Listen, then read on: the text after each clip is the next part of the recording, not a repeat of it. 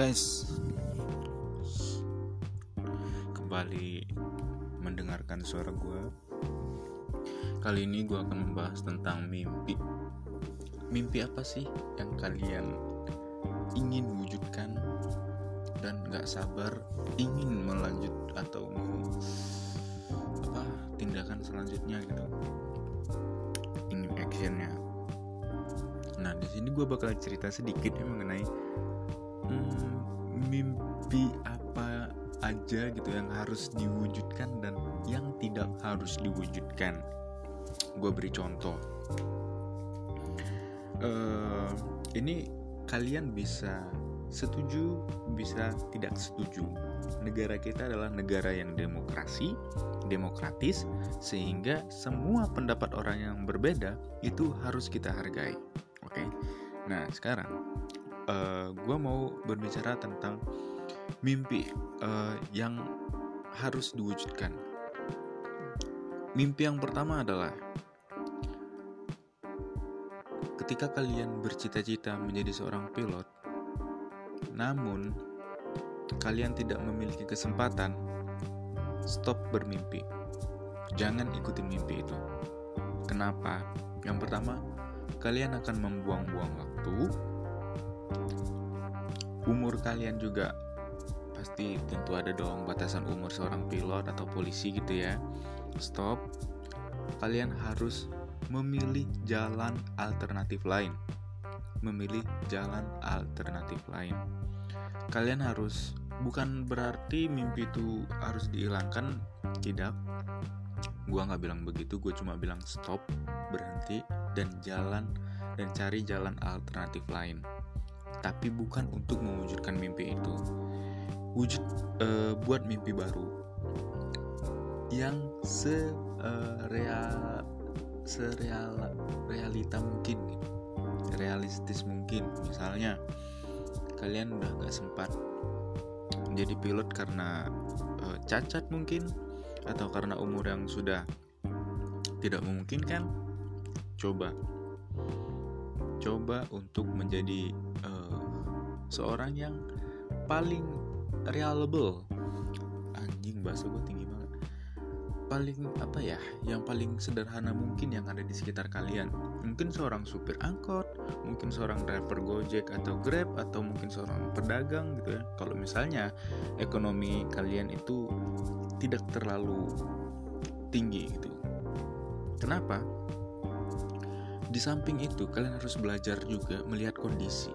Kondisi-kondisi apa saja yang pas waktunya atau ada peluang itu langsung kalian eksekusi. Artinya dalam hidup ini kita juga harus menciptakan formula-formula atau strategi kita sendiri gitu loh. Karena gini nggak semua orang itu pengen pengen susah. Nggak semua orang pengen susah. Nggak semua orang itu uh, apa tidak ingin cita-cita atau mimpinya itu nggak tercapai. Pasti semua orang ingin mencapai cita-citanya. Tapi kita harus sadar realize. Kita harus sadar bahwa mungkin cita-cita itu tidak bisa kita gapai.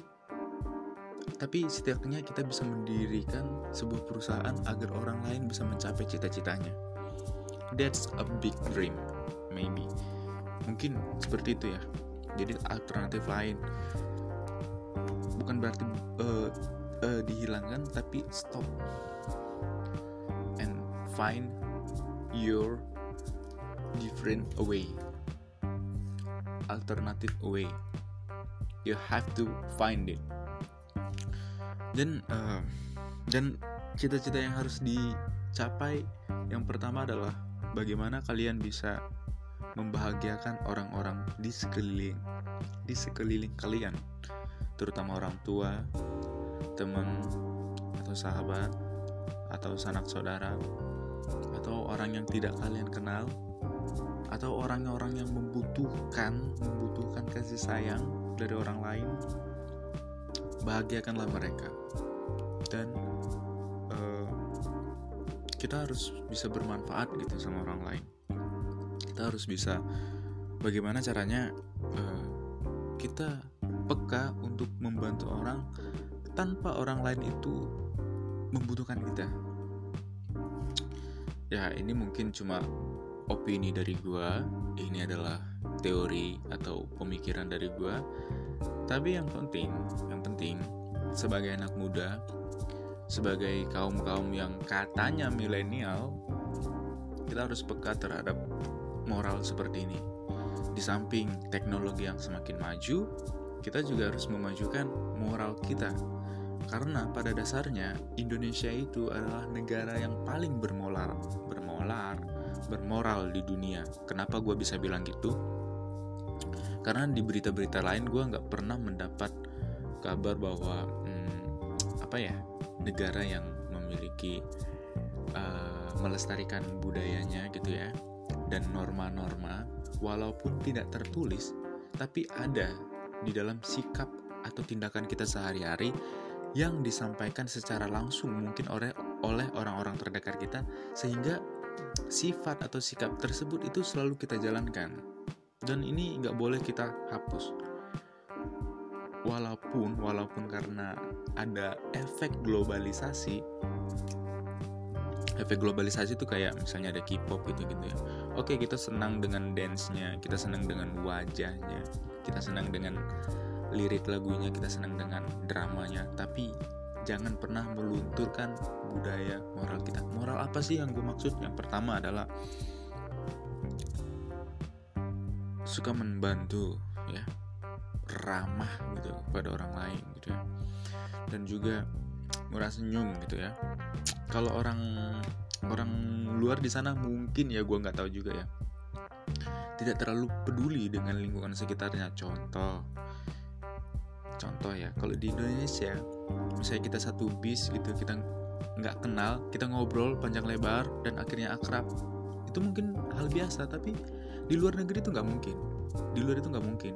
Dan banyak yang gue lihat gitu ya referensi-referensi dari YouTube, Instagram dan lain hal sebagainya. Gue ngelihat orang-orang bule yang di sana itu cenderung hmm, uh, tidak ramah kepada orang yang tidak dikenal hanya orang-orang yang dikenal saja.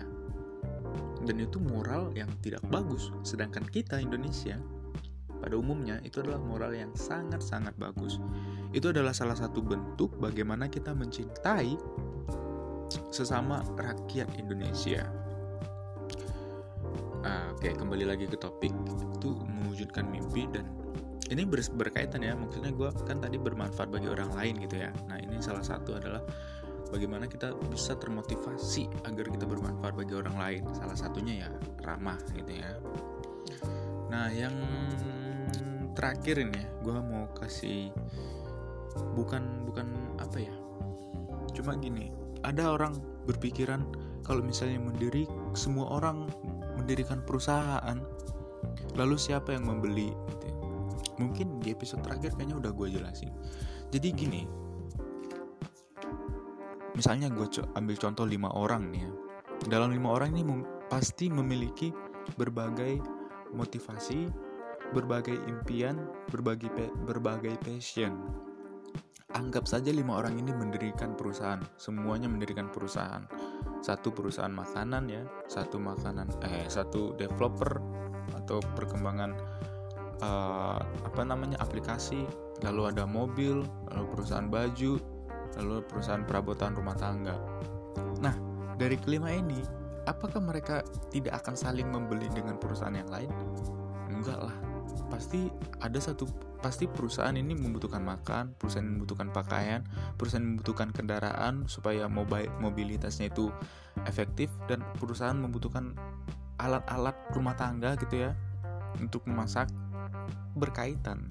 Jadi intinya kita harus bisa membuka perusahaan yang bermanfaat bagi orang lain, bukannya merugikan orang lain. Dan ini kita harus sadar. Dan uh, gue sesali juga ya bahwa perusahaan-perusahaan sebelumnya itu perusahaan-perusahaan yang didirikan mungkin pada tahun zaman Belanda gitu ya, dan mungkin sampai sekarang itu ada. Itu adalah mereka perusahaan yang merusak, mereka yang merusak lingkungan, merusak uh, budaya dan itu kita nggak harus seperti itu gitu ya usaha yang kita kembangkan usaha yang kita rintis adalah usaha-usaha yang bisa bermanfaat bagi orang lain bagi lingkungan juga tanpa harus merusak tanpa harus merugikan orang lain. Ya kita harus berpikir seperti itu ya. Mungkin ambisi kita tinggi tapi kita harus melihat ke depannya. Karena uh, kita nggak tahu uh, hidup setelah kita itu siapa. Artinya gini kalau misalnya gue punya anak terus anak gue nggak bisa menghirup udara segar karena pepohonan sudah ditebang semua karena gue mendirikan perusahaan dan akhirnya mereka tersiksa. Nah itu nggak boleh. Kita harus berpikir panjang. Oleh sebab itu tujuan gue adalah bagaimana kita bisa mendirikan sebuah perusahaan. Walaupun mimpi kita nggak tercapai setidaknya kita bisa membantu orang lain untuk menggapai mimpinya saya Andika Sitepu, terima kasih. thank you